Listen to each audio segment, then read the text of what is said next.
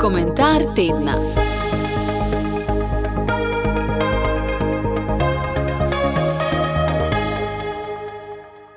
Komentar tedna je pod naslovom Brezmadežne solze pripravil ravnatelj Rafaelove družbe Lenard Richard.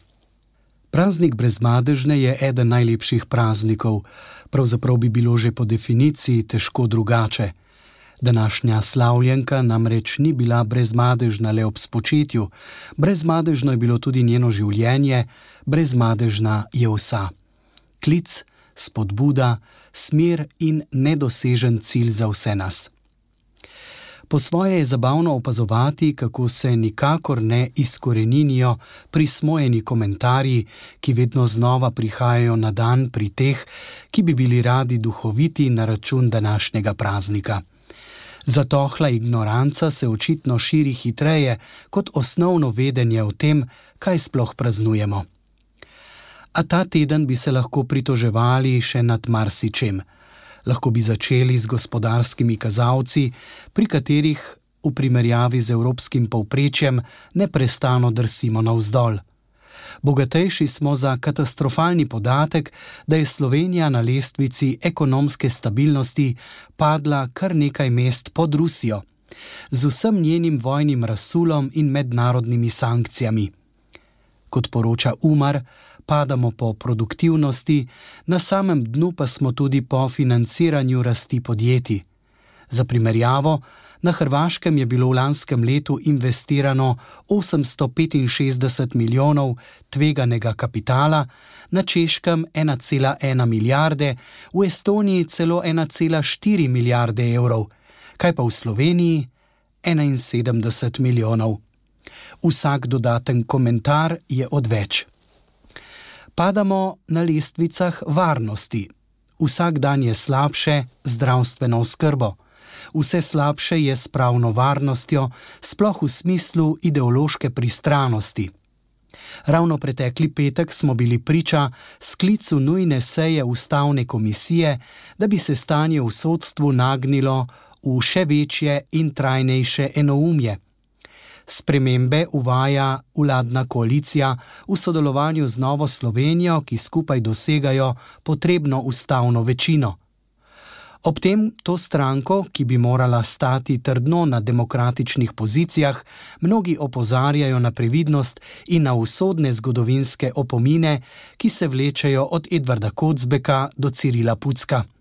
Upajmo, da opozorila ne bodo za manj a seznam za ta teden še zdaleč ni izčrpan.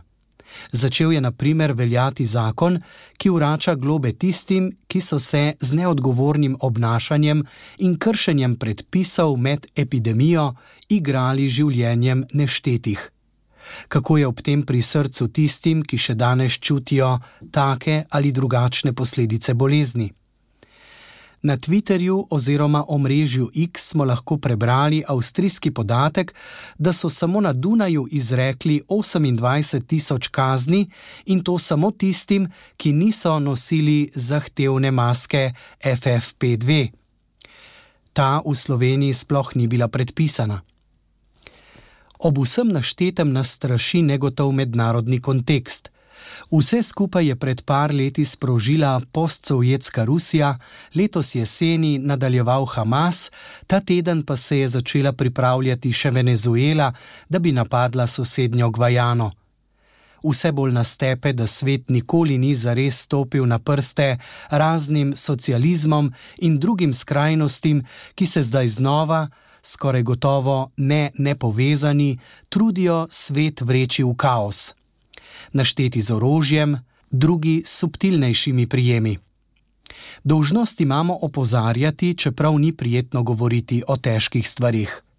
Veliko lažje bi bilo izbrskati kak liričen vers o današnjem prazniku, ali pa tisto na vides nekoliko rokovnjaško, v resnici pa presunljivo ljudsko pesem o tehtanju duše, ko Marija na koncu primankljaj na tehtnici dopolni svojimi solzami in dušo tako reši večne pogube.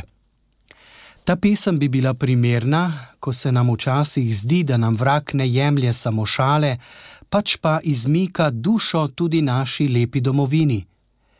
In ker tako le mirno, brez kakega resnega upora, bolščimo v to krajo, se ne zdi tako krivično, če bo vzel tudi nas. Začnimo torej migati. V preteklih dneh je bil na obisku veliki slovenski misionar, ki sta ga oče in mama po slovensko krstila za Petra in ga vse življenje klicala po slovensko Petr, pa ga skoraj vsi slovenci z nekakšnim nezavednim sladostrastjem in neverjetno doslednostjo imenujemo s tujim imenom. Tudi on je rekel, da se moramo dvigniti, ko vidimo, da grejo stvari narobe zagotovo nam bo šteto v dobro. Več kot dovolj je še drugih pasti, zaradi katerih utegnejo biti naše duše prelahke in bo na koncu še vedno naše edino upanje solza brezmadežne. Tako sklepa svoj komentar tedna na praznik brezmadežne ravnatelj Rafaelove družbe Lenard Rihar. Njegov zapis pod naslovom Brezmadežne solze sem prebral. Jože Bartol. Komentar tedna.